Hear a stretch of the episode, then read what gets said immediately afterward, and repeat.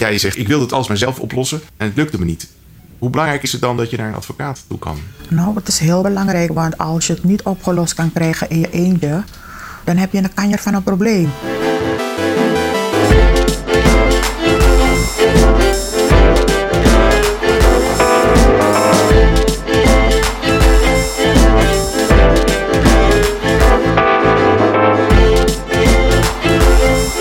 Dit is Radio Rechtsstaat met Nienke Venema, Jelle Klaas en Andreas Willemsen.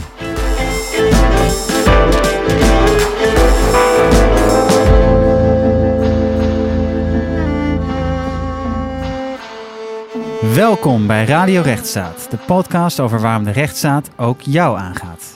Mijn naam is Jelle Klaas en ik zit hier met mijn co-host Nienke Venema en onze producer Andreas Willemsen op een ruime anderhalve meter afstand van elkaar in de thuisstudio van Andreas in Amsterdam.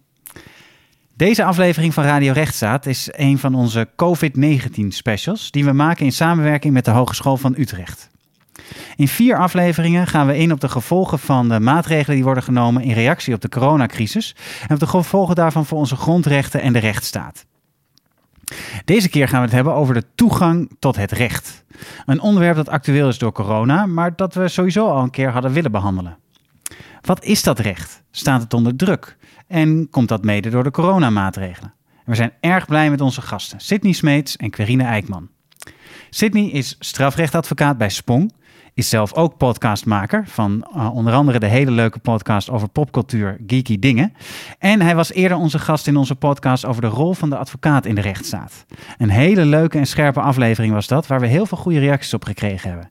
Als je die nog niet geluisterd hebt, doe dat dan direct na deze aflevering nog even. Onze andere gast is niemand minder dan Querine Eijkman. Querine is ondervoorzitter bij het College voor de Rechten van de Mens en lector toegang tot het recht bij het Kenniscentrum Sociale Innovatie van de Hogeschool Utrecht. Ze is een autoriteit op het gebied van mensenrechten en dat van veiligheid en terrorismebestrijding. Welkom Querine en Sydney. Dankjewel. Dankjewel. Ja, wat leuk dat jullie er zijn. Sydney, wat leuk om je weer te zien. Uh, ja. ik, zei, net ook al dat het een van mijn favoriete afleveringen was, die uh, met jou. Uh, dus de lat ligt hoog. Zeker, dankjewel. Jij dat nog even bevestigd. Laten we heel basic beginnen, want jij bent advocaat. heb je de afgelopen weken goed je werk kunnen doen en hoe heb je dat gedaan? Nou, um, er is een verschil tussen je werk kunnen doen en goed je werk kunnen doen. Um, het werk is doorgegaan. Uh, op het moment dat wij het bericht kregen dat de maatregelen werden genomen, hebben wij op kantoor onmiddellijk besproken hoe we daarmee om zouden gaan. Uh, en dat is gewoon als eerste heel praktisch hoe op kantoor we daarmee omgaan. Hè. Zorgen dat mensen uh, toch afstand van elkaar kunnen houden of zoveel mogelijk thuiswerken. Gelukkig zijn veel dossiers uh, in het strafrecht digitaal. Dus die kun je ook vanuit je huis ophalen, bekijken. En uh, daarvoor hoef je niet fysiek op kantoor te zijn. Um, en tegelijkertijd uh, werden er heel veel zittingen afgezegd. Dus de rechtbank liet al heel snel weten dat er uh, een aantal zaken geen doorgang vonden. Uh, en dat waren met name de zaken die niet heel dringend waren. Dus op het moment dat iemand bijvoorbeeld in de, het uh, huis van bewaring zit, in voorlopige hechtenis. Dus dat wil zeggen, iemand wordt verdacht van een strafbaar feit. En er is kennelijk een reden waarom die, die berechting van dat strafbare feit niet in vrijheid kan afwachten. Dan komt hij vast te zitten in voorlopige hechtenis.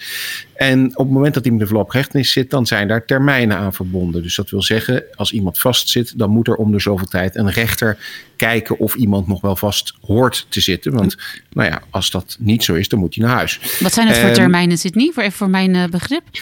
Nou, dat uh, ligt er een beetje aan. De, de belangrijkste termijn is eigenlijk dat er binnen uh, drie maanden nadat iemand is aangehouden, een zitting moet plaatsvinden bij een rechter die naar de zaak gaat kijken. Maar daarvoor zijn er ook al wat toetsmomenten. Uh, er is een rechtercommissaris die kijkt of de politie alles goed heeft gedaan. Meestal is dat na drie dagen, soms iets langer, maar meestal na drie dagen. dan is er een raadkamer, dat zijn drie rechters die nog een keer kijken of de rechtercommissaris het wel goed heeft gedaan en of de situatie inmiddels anders is. En die raadkamer kan iemand dan maximaal voor die drie maanden vasthouden. Maar soms gebeurt het ook korter. 30 dagen, 60 dagen. En dan vinden er tussentijds ook weer toetsingen van die voorlopige hechtenis plaats. En dat kan niet wachten, dat kun je niet uitstellen. Dus die zittingen die gingen wel door.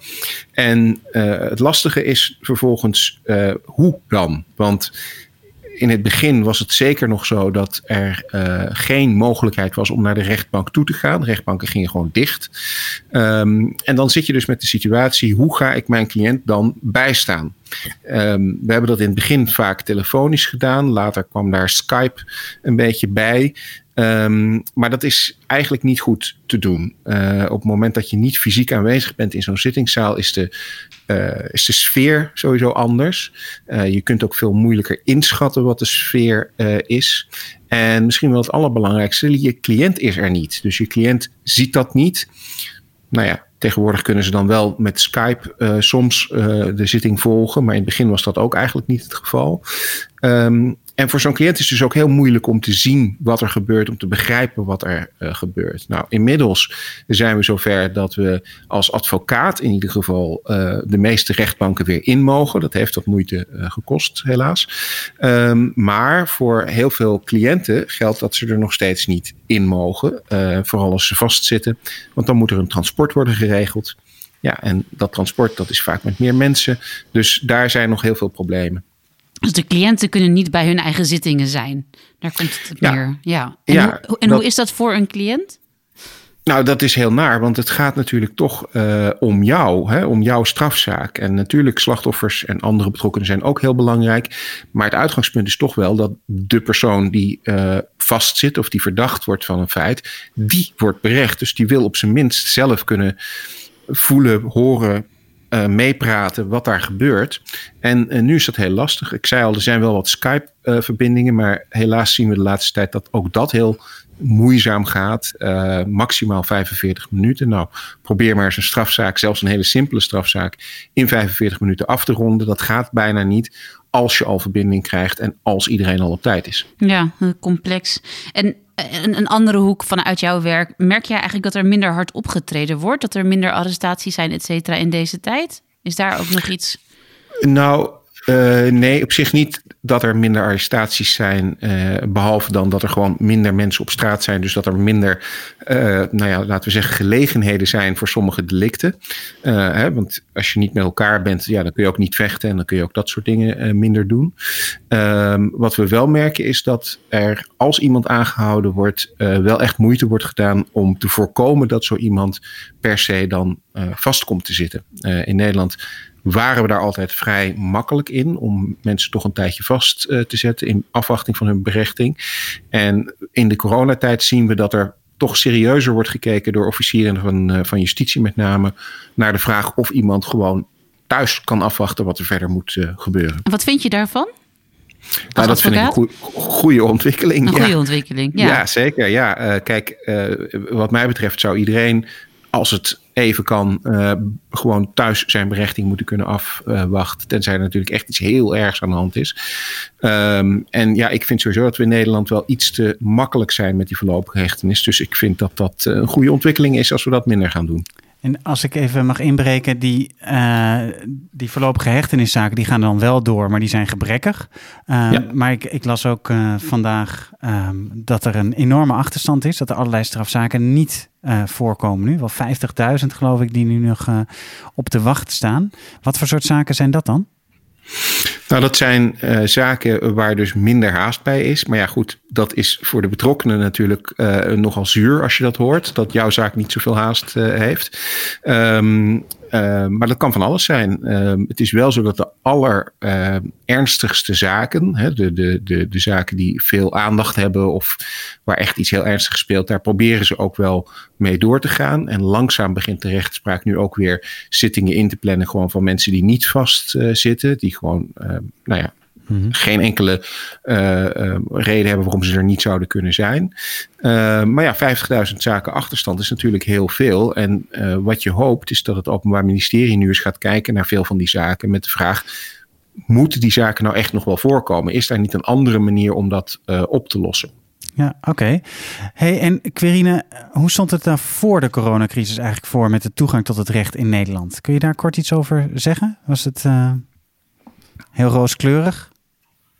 In vergelijking met, uh, met de rest van Europa en in de wereld is Nederland natuurlijk absoluut een land waar je toegang uh, tot het recht kan krijgen en realiseren. Tegelijkertijd horen we ook uh, van Sydney bijvoorbeeld net in zijn reactie dat er wel aandachtspunten zijn. Bijvoorbeeld dat lange voorarrest of nou, de hele discussie rondom zeg maar, de gefinancierde rechtsbijstand. Dus zeg maar hulp van een advocaat of een rechtsbijstandverlener op het moment dat je wat minder verdient. Daar zijn wel een aantal vraagstukken over.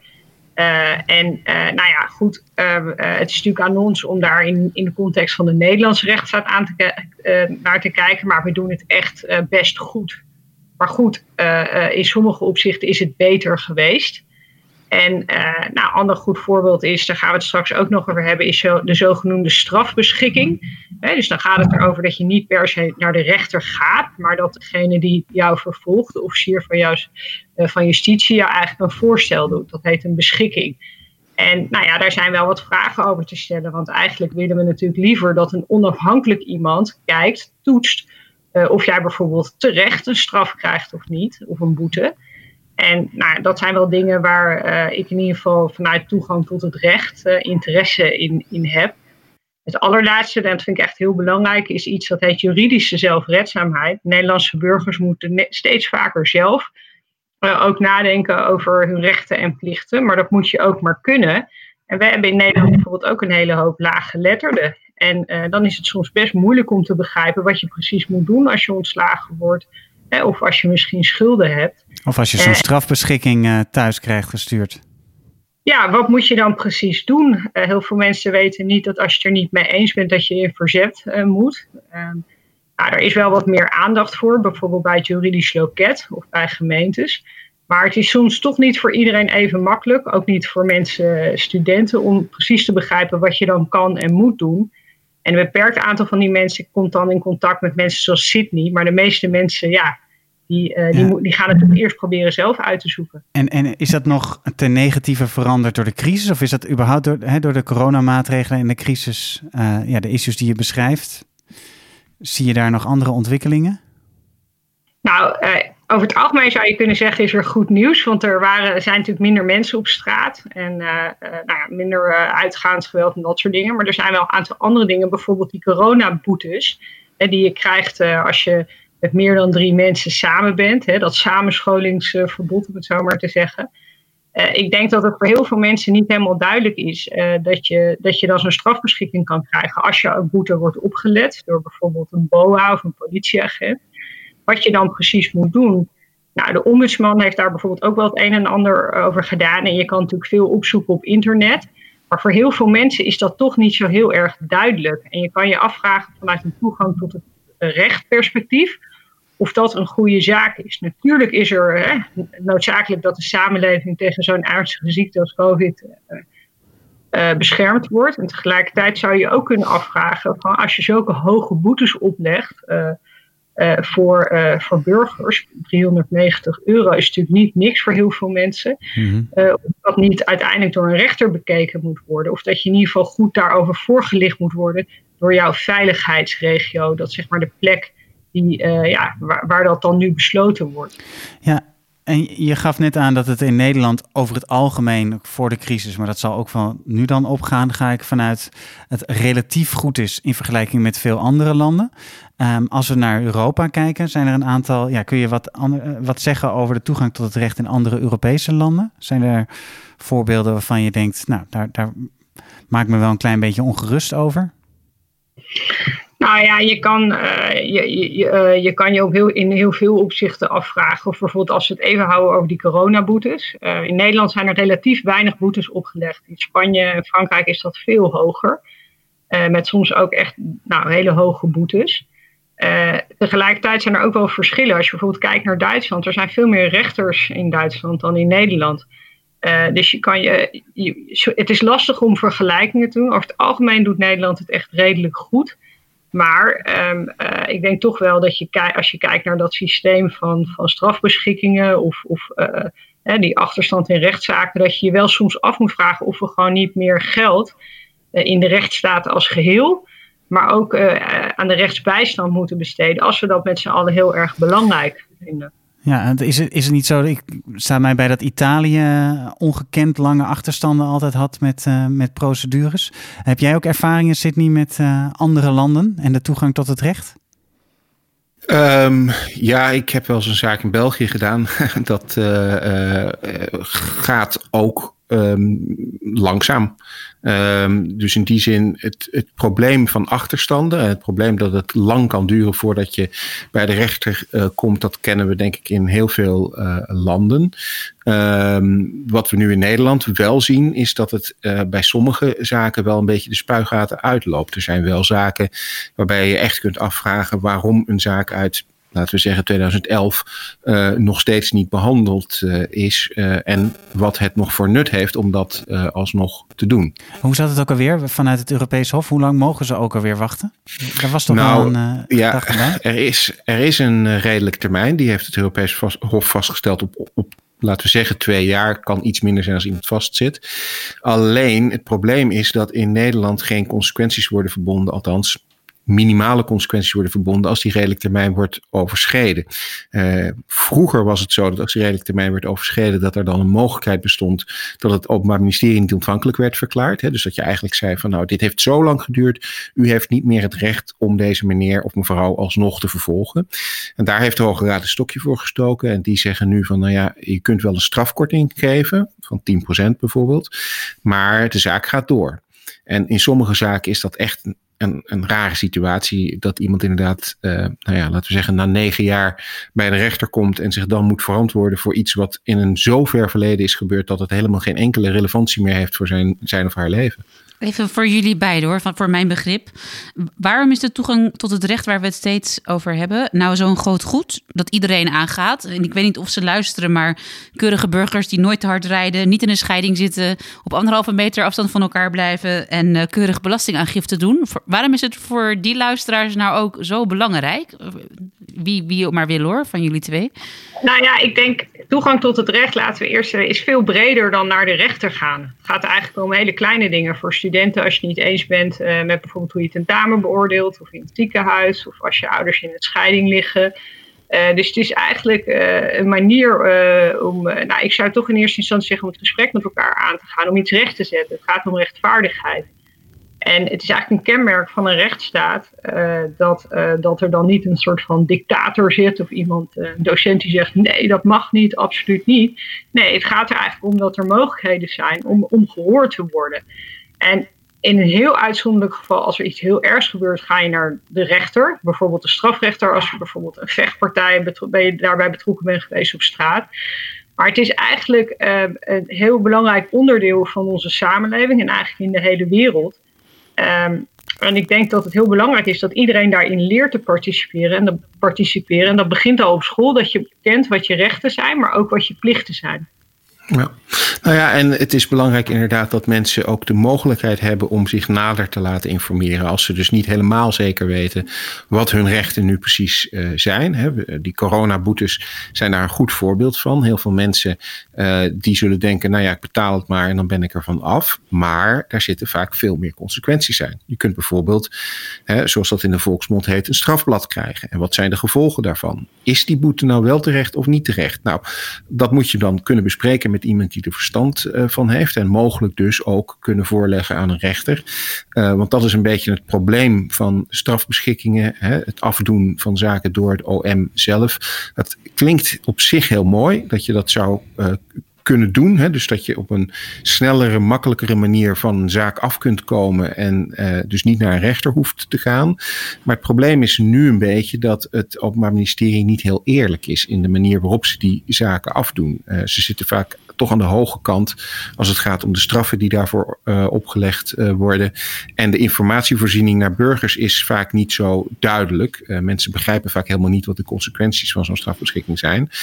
Ja, en dan heb je toch hulp nodig. En dat is vaak een advocaat of een, of een, een bureau rechtshulp waar je dan terecht gaat. Maar ja, daar moet wel geld voor zijn. Ja, ja precies. En, er, er, en ik was, nog, oh, sorry. Nee, ik dacht aan die test die volgens mij in de Volkskrant stond of zoiets, waar die iedereen gefaald heeft, waarin je moest kijken of je begreep wanneer je nou een boete kreeg en wanneer niet, als het gaat ja. om deze maatregelen. De uitslag was niet best. Uh, en, maar goed, je zou dus willen dat, het, dat er helderder over gecommuniceerd werd. Op het moment dat dat niet zo is, moet je eigenlijk al snappen wat je moet doen om het wel helder te krijgen. Ja, en wat ook belangrijk is bij toegang tot het recht, is dat bij, in de rechtsstaat uh, beslissen we ook met z'n allen uh, uh, ja, wat we willen. En of je een straf moet krijgen, bijvoorbeeld voor zo'n boete. Wat is nou het probleem? Die boetes zijn gebaseerd op noodverordeningen. en dat was misschien in het begin van, die, van zeg maar de coronacrisis nog wel begrijpelijk, maar een aantal weken later is dat nog steeds geldig. En dan zou je ook kunnen zeggen, er is eigenlijk helemaal geen kans geweest voor bijvoorbeeld parlementariërs of, om, om daar vragen over te stellen. Vorige week zijn in een motie nog door verschillende politieke partijen vragen gesteld over wat Sydney net zei, dat mensen dus een aantekening krijgen, een justitiële aantekening, zeg maar een strafblad. Uh, en waarom is dat eigenlijk zo besloten? Waarom is die boete zo hoog? Uh, die boete zou ook veel lager kunnen. En ik denk dat dat ook een kenmerk is van toegang tot het recht. Dat we in een rechtsstaat goed met elkaar beslissen wat de straffen zijn voor nou, grote uh, overtredingen. Uh, en nu doen we dat op basis eigenlijk van wat een aantal burgemeesters in Nederland in uh, veiligheidsregio's besloten hebben. En dat kan in een crisis gerechtvaardigd zijn, maar het duurt nu best wel heel erg lang. En volgens mij zeg je iets heel um, belangrijks wat betreft die noodverordening. Kun, je, kun jij kort een recap geven van hoe dat is gegaan, dat besluit? Dus hoe gaat dat in een noodverordening en waarom is dat anders dan gebruikelijk? Nou, kijk, er is. Uh, uh, uh, ik ben even kwijt, sorry, hoe die wet heet. De wet op de publieke gezondheidszorg, ik noem hem even. Um, yeah. is, er, is, er, is, er, zijn er, is er mogelijkheid voor noodsituaties om zeg maar, de, van de burgemeesters van de 25 veilig, veiligheidsregio's om beslissingen te nemen om de volksgezondheid te beschermen? En de, die verordeningen zijn de basis voor een aantal maatregelen om ons allemaal te beschermen. Nou, om die uh, te implementeren is één middel is om die boetes uit uh, te delen. Maar het is eigenlijk heel gek dat daar nauwelijks uh, controle is, of bijvoorbeeld van gemeenteraden of dat parlementariërs daarover besloten hebben. En ik heb daar persoonlijk wel vragen over, maar ook een parlementariër zoals Katelijne Buitenweg. Van waarom waarom moeten die boetes zo hoog zijn? Of waarom is daaraan gekoppeld dat mensen een strafblad krijgen of niet? En nogmaals, in het begin van de crisis was dat misschien wel logisch. Zeggen ook veel staatsrechtgeleerden dat dat misschien op die manier moest of nodig. Maar na twee, drie weken had je je ook kunnen afvragen: nou, kan dat niet op een andere manier? Kan de voorzienbaarheid niet beter? Dus kan het niet beter uitgelegd worden waarom? Uh, wat levert het eigenlijk op? En dat zal ongetwijfeld nu in de nieuwe noodwet die in de maak is, uh, anders geregeld gaan worden. Maar ik denk toch wel dat het belangrijk is dat we, nou ja, dat we in de rechtsstaat checks en balances hebben. Hoe komt iets tot stand? Maar met name, wat zijn ook de gevolgen voor veel jonge mensen in deze samenleving, die toch maar mooi nu, als ze een boete hebben gekregen, een justitiële aantekening krijgen. En dat heeft gevolgen voor stages, voor werk. Je zou maar beveiliger willen worden. Uh, nou, dat kan dan niet. En dat is eigenlijk, die gevolgen zijn waarschijnlijk niet goed doordacht. En een van de redenen is waarschijnlijk de haast waarmee dat gebeurd is en het gebrek aan controle dan wel van het parlement, dan wel van gemeenteraden. Um, uh, die, die superburgemeesters van die veiligheidsregio's, nou, door COVID niet heel veel uh, ja, effectief van een weerwoord hebben kunnen dienen. Sydney, toch heel even, als ik hem nog even één keer ook scherp aan jou mag, uh, mag voorleggen. Hè? Dus als ik, laten we even vanuit gaan dat ik een uh, witte man ben die de wet allemaal leest en al die noodverordeningen door heeft geplozen. Niets doet wat buiten de status quo valt. Ik ga ook, uh, hou die afstand. Ja, wat is dan mijn belang bij de toegang tot het recht als ik daar geen gebruik van maak? Waarom is het dan erg als die officier van justitie wat strenger optreedt tegen mensen die te lui zijn om die noodverordeningen eens even goed door te pluizen? Nou ja, omdat. Uh, Bij wijze van spreken. ik ja, ja, je zit hem heel raar aan te kijken. Nu. Ja, nee, dit is even stellig alsof ik ja. een buurman ben. Die, hè?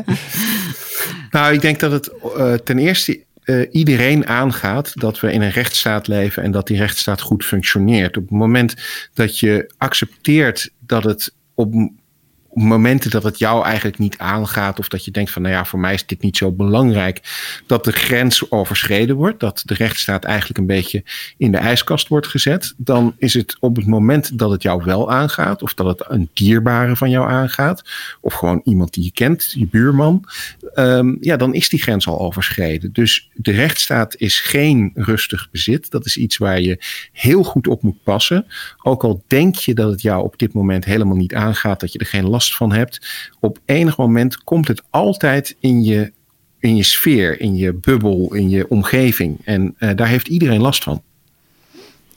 Oké, ja, dat lijkt me een heel goed, uh, goed antwoord. Um, en, en om ook terug te gaan naar wat Carine zei, zeker als we minder democratische controle hebben op wat die wetten zijn, dan kan het misschien nog wel sneller in je persoonlijke bubbel komen dan als je daar nog wel enigszins via een volksvertegenwoordiging uh, iets van controle op zou, uh, zou kunnen hebben. Zeker, kijk, dat is natuurlijk het hele punt. Als je een volksvertegenwoordiging hebt die zijn werk doet, dan kun je in zekere zin als burger een klein beetje achteroverleunen en denken: Nou, er is een groep mensen die de rechtsstaat in ieder geval uh, in de gaten houdt, beschermt. Um, en op het moment dat dit nu gebeurt zoals het nu gebeurt met de noodverordeningen, ja, dan is die controle weg. En dat is dus een reden om extra waakzaam te zijn. En dan even voor de hele praktische, voor de studenten die de noodverordening toch niet helemaal goed hebben begrepen. ook omdat die veel te ingewikkeld uh, schijnt te zijn. En die een bekeuring hebben gekregen of een boete of zo'n strafbeschikking uh, thuis krijgen. Uh, ja, wat zijn de rechtsmiddelen die je nu tot je beschikking hebt? Wat, wat kun je tegen dit soort dingen doen? Uh, nou, je moet uh, verzet aantekenen. Je moet het er niet bij laten zitten. Ik zeg nu, je moet. Hè. Er zullen ook wel gevallen zijn waarin zo'n boete misschien wel terecht is. mijn advies, dat heb ik ook al tegen meerdere mensen gezegd, is ga in ieder geval even bij iemand langs die misschien wel wat verstand van zo'n noodverordening of van zo'n boete heeft. Die er eens even naar kijkt met je. En die in ieder geval op een rijtje zet van wat zijn nou de gevolgen als ik dit laat voor wat het is? Wat zijn de gevolgen als ik gewoon die boete maar betaal en denk van nou het komt wel goed? Er werd net al terecht gezegd uh, een stage. Nou heel veel stages daar heb je tegenwoordig een uh, verklaring omtrent gedrag voor nodig, een VOG. Uh, noemden we vroeger een verklaring van goed gedrag in heel veel gevallen kun je die niet krijgen op het moment dat er een strafblad uh, is. En dan kun je dan wel weer van alles aan doen op dat moment uh, dat het allemaal misgaat. Maar voorkomen is beter dan genezen. Dus als jij kunt zorgen dat je dat strafblad niet krijgt, dan voorkom je dat je in die problemen terechtkomt. Ja, helder. Ik, ik, vroeg me af, um, twee afleveringen geleden of drie uh, hadden we het over het recht op protest. Uh, hoe zit het daarmee? En ook eigenlijk het recht op vergadering. Want als we maar met heel weinig mensen samen kunnen komen, kunnen we ons dan eigenlijk nog wel op die grondrechten beroepen. Als wij vinden dat er ergens nu een demonstratie over moet komen, kan dat eigenlijk nog wel. Ja, dat hangt enorm af uh, van in welke veiligheidsregio uh, je zit. Dat is natuurlijk ook het rare in Nederland. We hebben verschillende, die hebben het natuurlijk wel met elkaar afgestemd. Nou, dat wisselt enorm. Uh, sommige uh, zeg maar superburgemeesters worden ze wel genoemd. De voorzitters van die veiligheidsregio's gaan er, nou, die hebben, hechten daar meer waarde aan dan anderen. Maar soms zie je ook wel dat in ieder geval de indruk wordt gewekt dat die noodverordeningen een beetje misbruikt worden, omdat het ja, niet goed uitkomen, ook uitkomt. En demonstraties komen eigenlijk nooit goed uit. Nee, dat is de bedoeling ook. ja, dat is de hele kern van het verhaal. Uh, dus uh, je hebt gezien dat, daar, nou, dat dat wisselend is. Gelukkig hebben we een vrije pers in Nederland die er dan ook wel vragen over hebben gesteld. Uh, er zijn ook wel wat misverstanden over. Maar ik denk over het algemeen dat, nou, wat Sydney net zei, toegang tot het recht is geen rustig bezit. Dat geldt ook voor demonstratievrijheid. Dat soms toch ook wel in ieder geval de indruk wordt gewekt dat er wel heel makkelijk nee wordt gezegd. Nou, gelukkig is daar dan ook wel weer in de pers zijn er vragen over gesteld en, en wordt dat later dan vaak weer bijgedraaid. Maar ik denk wel dat het eigenlijk laat zien hoe belangrijk goede wetgeving ook is. En dat je niet te snel uh, uh, en te lang uh, je, je ja, moet beroepen op noodwetgeving. Want er is altijd een goede reden om een demonstratie niet door te laten gaan. Maar de ja. kern is eigenlijk burgemeesters moeten faciliteren dat het wel plaatsvindt. Ik vind het ergens echt een heel gek idee dat als er een schrijnende kwestie is waar een demonstratie over gehouden zou worden, dat een burgemeester, een niet gekozen volksvertegenwoordiger, dan kan bepalen op dat moment gaat niet door. Dat heb ik altijd een gek idee gevonden. Maar, maar um, het kan dus ook niet. Dus als ik nu zeg in een regio waar de burgemeester zegt dat het niet mag, maar er moet gedemonstreerd worden, dan is het strafbaar wat ik doe. Dan krijg ik, of krijg ik een boete, kan, of wat gebeurt er dan? Ik begrijp het geloof ja, niet. Nee, nou, dat kan, dat kan strafbaar zijn in de, uh, in de zaak, of in de, in, de, in de regio's waar zo'n noodverordening van kracht is. Uh, want daar geldt dat je niet mag samenscholen. Ja. Hè? Niet met meerdere mensen tegelijk uh, op één plek mag Tenzij zijn. Tenzij je een bal bij nou, je hebt, natuurlijk. Ja, precies. Um, dus dat kan heel makkelijk ingezet worden om inderdaad uh, zo'n demonstratie onmogelijk te maken. En dat heeft natuurlijk een enorm chilling effect, zoals we dat dan in Europees verband vaak noemen, op het recht op demonstratie. Als je op deze manier omgaat met het recht om samen te komen en dat zo lang eigenlijk laat voortduren. En er eigenlijk geen goede mogelijkheden zijn om daar iets tegen te doen. Hè, om te zeggen van nou ja goed, maar deze demonstratie is wel heel belangrijk en we kunnen dat op een veilige manier doen. Um, ja, dan wordt het op een gegeven moment natuurlijk gewoon makkelijker, ook in de toekomst, om uh, ja, demonstraties die je onwelgevallig zijn, uh, uh, de nek om te draaien. Ja, precies. En dat is ook. We hebben met mijn organisatie net een procedure gevoerd over dat recht op demonstratie en beperkingen in het kader van corona. Met een van de argumenten die daar ook een rol speelt, is dat inderdaad de burgemeester, een van die superburgemeesters, heeft op een gegeven moment gezegd: jullie mogen wel demonstreren, maar niet met de 100 die jullie hebben voorgesteld op anderhalve meter, maar mogen er maximaal 30 zijn. En wij vonden dat de burgemeester niet goed kon uitleggen waarom dan 30. Hè, die verwees iets naar met de religieuze samenkomst, maar dat is natuurlijk iets heel anders. En daar speelt inderdaad ook heel erg die discussie van de, burgemeester en ook de rechter helaas uiteindelijk zei ja, het gaat om, om een redelijkheidstoets en niet om een noodzakelijkheidstoets. Dus je ziet hem daar al een klein beetje schuiven van ja, als we hier die beperkingen zo makkelijk toestaan en niet als uitgangspunt nemen dat een heel belangrijk grondrecht is, dat is voor later ook gevaarlijk. En er is nog één andere uitspraak van de voorzieningenrechter die ik nog ernstiger vond over het recht op protest. Uh, volgens mij een protest in het Vondelpark. Waar de voorzieningenrechter heeft gezegd: ja, we hebben in het verleden slechte afspraken kunnen maken met deze activist. Dus die zal zich ook wel niet gaan houden aan de coronamaatregelen. is gewoon het hele protest verboden. En een ja. protest verbieden, ja, nou goed, we hebben het in de vorige aflevering over het recht op protest over gehad. Dat is eigenlijk zo goed als een no-go. Dat, dat kan eigenlijk zo goed als niet in onze rechtsstaat. Dat is heel, heel ernstig. Maar gelukkig nou ja, is er daar wel ja, Skype-zitting geweest. Wel, nou ja, ik denk dat het mooi is dat het aangekaart is. Ik denk wel het beeld is wel dat er wisselend mee om wordt gegaan. Uh, uh, dus de ene superburgemeester is niet de ander. En uh, maar ik denk wel goed dat het is dat het wordt aangekaart, zodat we ook niet te makkelijk dit soort dingen afschaffen. En ik, ik bedoel, ik denk in Den Haag bijvoorbeeld is het op een gegeven moment dan wel toegestaan, maar wat zijn redelijke voorwaarden? Dus ik denk wel heel belangrijk dat er helderheid over komen en dat het in Maastricht de openbare orde in Maastricht is natuurlijk anders dan in Den Haag of in Amsterdam of in Leeuwarden. Maar wel dat die, die minimumvoorwaarden wel gerespecteerd worden, ook in coronatijd. En nou, daar zijn wel wat discussies over. Die, die wel van groot belang zijn, ook voor de rechtsstaat. Want Sydney zei net eerder al, ja, het gaat nu om misschien niet zo'n hele heftige situatie. Maar in andere Europese landen, zoals in Polen of in Hongarije, nou gaat het wel een kant op waar je niet heen wil. En het begint vaak heel klein. Ja, want wat is de. Wat is de hebben we een positieve blik op de toekomst wat betreft deze maatregelen hier in Nederland? Hoe, hoe, gaan, we, hoe gaan we verder? Nou ja, ik neem aan dat de, de, de, maatregelen die gaan natuurlijk op een gegeven moment opgeheven worden of uh, verminderd worden. Dat, dat kan ook niet anders, omdat uh, nou ja, er zijn nu al de nodige juridische vraagtekens die, die worden opgeworpen. En op enig moment uh, ja, kan ik me niet voorstellen dat, uh, dat ook superburgemeesters zeggen van nou dit laten we maar gewoon zoals het is. Dat wordt op een gegeven moment wel aangepast en opgeheven. Alleen de vraag is of alles wordt aangepast en opgeheven. Of dat we zeggen van nou ja, sommige van die dingen kwamen ons eigenlijk best wel goed uit. Dus misschien moeten we dat dan toch permanent maken. En dat is natuurlijk wel een beetje een risico van deze situatie, omdat een aantal van die ontwikkelingen al langer gaande waren. Het idee dat het toch eigenlijk heel handig is als een burger geen advocaat heeft en als we het gewoon buiten de rechter om af kunnen doen. En al die ideeën van ja, die toegang tot het recht. Moet dat nou allemaal wel? Het kost toch wel heel veel geld als we dat heel goed willen regelen. Die bestonden al langer. En als je nu dus te makkelijk meegaat met uh, de oplossingen die nu redelijk geaccepteerd worden door mensen omdat het crisis is, wordt er al snel gezegd straks als het geen crisis meer is van ja, dat kon vorig jaar ook. Dus dan kunnen we dat eigenlijk misschien wel gewoon permanent maken. Ja. Hè, zo, zoals die videoverbindingen bijvoorbeeld. Ja, dus belangrijk om goed te passen op wat we hebben. Want als je het kwijt bent, krijg je het ook niet zomaar meer terug.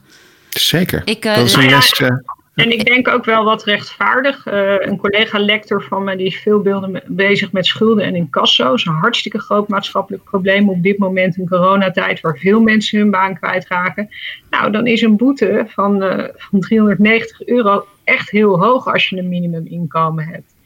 En als staat moeten we misschien ons ook afvragen van nou, wat is nou rechtvaardig? Voor iemand uh, als Sydney, die advocaat is, of voor mij, is een boete toch heel anders dan als je een minimuminkomen hebt of als je werkeloos bent. Absoluut. En je zou je kunnen afvragen van, is dat nou rechtvaardig? Um, um, dat we zulke hoge boetes bijvoorbeeld uitschrijven in aanvulling op, op, op, dat, uh, op die aantekening, die justitiële aantekening, zeg maar, dat strafblad.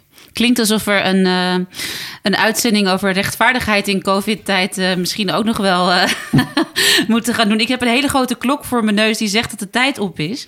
dus ik wil jullie heel hartelijk bedanken voor jullie aanwezigheid en bijdrage in deze podcast in de COVID-19 special over toegang tot het recht. Dank jullie wel. Dankjewel. Ja, veel dank en heel veel sterkte met jullie belangrijke werkzaamheden de komende tijd.